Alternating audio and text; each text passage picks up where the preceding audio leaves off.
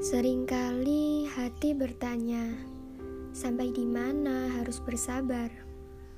Maka ingatlah bahwa sabar itu selalu tak berbatas. Hatimu sendiri yang selalu membatasi.